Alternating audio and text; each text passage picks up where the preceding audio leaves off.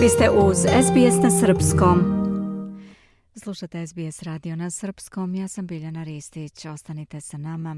Sledi tema iz e, Srbije. U pregrejanoj atmosferi koje su prethodilo zakazivanja i otkazivanja, pritisci sa obe strane, litije, rat objavama, u Beogradu je održan Europride. Bila je i šetnja i gosti iz inostranstva i poneki incident – kakve ocene ova manifestacija dobija dan kasnije i šta je ona pokazala. Saznaćemo u razgovoru sa Mijom Nikolić. Mija, dobar dan. Sumirajte nam ukratko događaje. E, Biljana o minulom Europrajdu i svemu što mu je prethodilo u Srbiji se tek sabiraju utisci nakon kojih se tek očekuju ozbiljnije analize o tome šta smo videli i pokazali ko je podbacio, a ko odoleo, šta valja promeniti. Ocene su očekivano različite od zadovoljstva premijerke što je manifestacija protekla uglavnom mirno i bez većih incidenata, gorčine protivnika parade, što je šetnja bila uprkos zabrani, triumfalizmu, jednih i osjećaju poraza drugih, pa do ocena da je ovo poraz obe strane. Iz Evropske asocijacije organizatora Prajdova su poručili da tmurno vreme i kiša zajedno sa nekoliko nedelja institucionalnih prepreka i pretnji nacionalista nisu zaustavili šetnju u okviru te manifestacije. Predsjednica te asocijacije Kristina Garina je ocenila da je u Beogradu održan najvažniji Europride u proteklih 30 godina. Zabrana pa ukidanje zabrane šetnje, užasna protivljenja od vlade, ministara i političkih partija ukazali su nam jasno na njen značaj. Uvek smo znali da će biti teško, ali ono čemu smo prisustvovali u Beogradu prevazilazi nivo koji smo očekivali i to je bilo prvi put da smo se suočili sa tako intenzivnim teorijama zavere i protivljenjem izjavila je Garina. Domaći mediji prenose izjavu Vladimira Bilčika da je skup održan u subotu dokaz da ljudi u Beogradu žele ista prava za sve i dokaz da Zapadni Balkan deli evropsku perspektivu, ali i stav koalicije nada da održavanje Evroprajda predstavlja kapitulaciju države, kao i najavu pokreta dveri o podnošenju krivične prijave protiv premijerke Ane Brnabić. Gotovo 10.000 ljudi okupilo se danas da se bori za ravnopravnost, solidarnost i ljudska prava. Beograd je danas imao najveći Pride ikada i na to svi treba da budemo ponosni.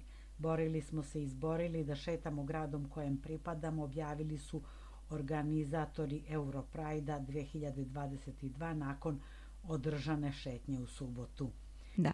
Da li je među učesnicima bilo lokalnih političara? Među učesnicima nije primećen niko iz vlade Srbije, ali jesu inostrani zvaničnici, lideri evropski opredeljenih opozicionih stranaka, javne ličnosti.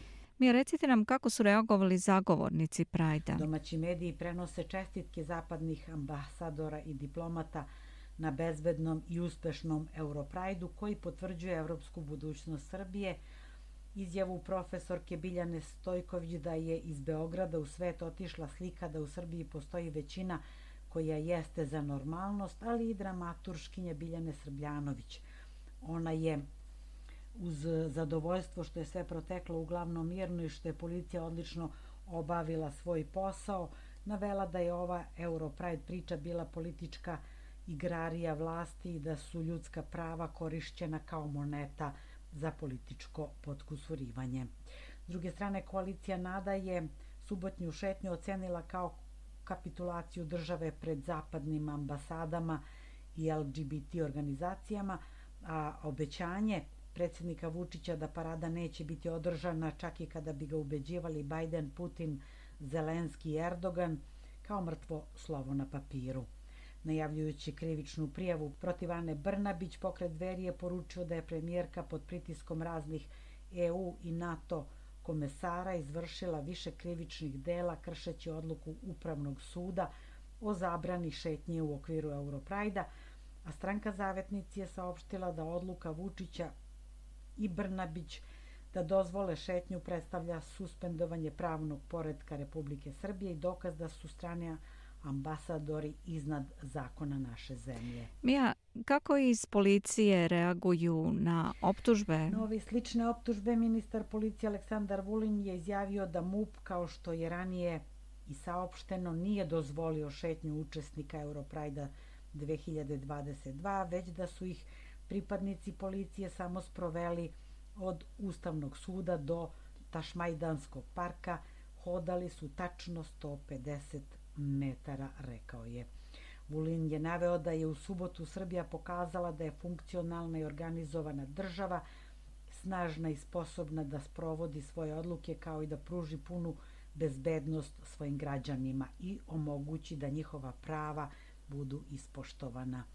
13 policajaca je lakše povređeno i nijedan građanin, 87 lica je privedeno, protiv 11 su podnete krivične prijeve, a ostale će biti prekršajne, rekao je ministar Vulin i naglasio da je obezbeđenje gej parade koštalo oko 3 miliona evra. Bilo je angažovano skoro 6000 policajaca koji su profesionalno odradili svoj posao i on je na njih ponosan. Politikanti iz dveri, zavetnika, kako god da se zovu, pokušali su sve ovo da iskoriste. Predsednik Vučić im je pokazao kako se ponaša država i državnik i ogromna većina građana je to podržala jer je videla da može da veruje svojoj državi, saopštio je ministar policije Aleksandar Vulin. Na kraju kako su mediji izveštavali o događaju? Policija, Pride i Litije teme su kojima se deo medija bavi, izveštavajući da su litijaši gazili zastavu Prajda, gađali policiju i novinare flašama, a dnevnik danas se u tekstu kako su nam Pride šetnja MUP i Ana pokazali da živimo u državi koje praktično i nema, osvrnuo na e, kontradiktorne i suprostavljene odluke nadležnih organa koje su pokazale da institucije ne funkcionišu, već ključne odluke zavise od pojedinaca i određenih centara moći. Sagovornici ovog dnevnika, advokati Vladimir Terzić i Rodoljub Šabić su saglasni da je policija odlično obavila svoj posao i da je dobro što bez obzira na neke incidente nije bilo stvarnih opravdanih bezbednostnih razloga da se zabranjuje konzumiranje ustavom zajemčenog prava na mirno okupljanje. Danas navodi hronologiju događaja u subotu.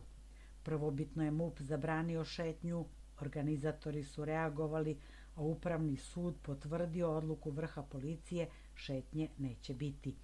Potom je premijerka Brnabić e, dala zeleno svetlo za šetnju uz uveravanje da će učesnici biti bezbedni, a između ovih kontradiktornih hoće biti, neće biti e, situacija, zabeleženo je pismo protesta inostranih ambasadora zbog dovođenja šetnje u pitanje i sastanak predsjednika Vučića sa Kristoferom Hillom, američkim ambasadorom u Beogradu. Dvojica advokata kažu da je kapitulacija države zabeležena u dva čina – prvo neustavnom zabranom okupljanja i šetnje njenih građana, potom i gaženjem odluka nadležnih institucija MUPA i sudstva o strane premijerke. Advokat Terzić smatra da je Srbija očigledno zemlja raznih pravnih i kvazipravnih mogućnosti, a da je sve to posledica dugogodišnje koncentracije moći u rukama jednog čoveka uz eroziju pravosudnih institucija i mirenje javnosti sa tim. Šabić ocenjuje da kontradiktorni potezi odluke organa vlasti imaju neizbežan efekat urušavanja autoriteta državne vlasti. Država nam ne funkcioniše u skladu sa unapred utvrđenim poznatim pravilima upisanim u ustav i zakone, već kao nekakav provizorijum u kom je sve moguće i sve zavisi od trenutno dominantne političke volje. Novinar Dejan Kožul navodi da je u subotu bilo učesnika više nego ikada, da huligana nije bilo onoliko koliko se najavljivalo i misli da samog Prajda čak ne bi bilo da nije stvoren pakt sa vrhom države, a da njega nije bilo, bilo bi mnogo gore. Studio. Toliko za danas. Hvala Mija.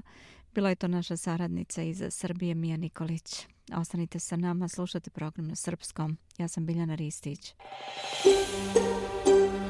Želite da čujete još priča poput ove? Slušajte nas na Apple Podcast, Google Podcast, Spotify ili odakle god slušate podcast.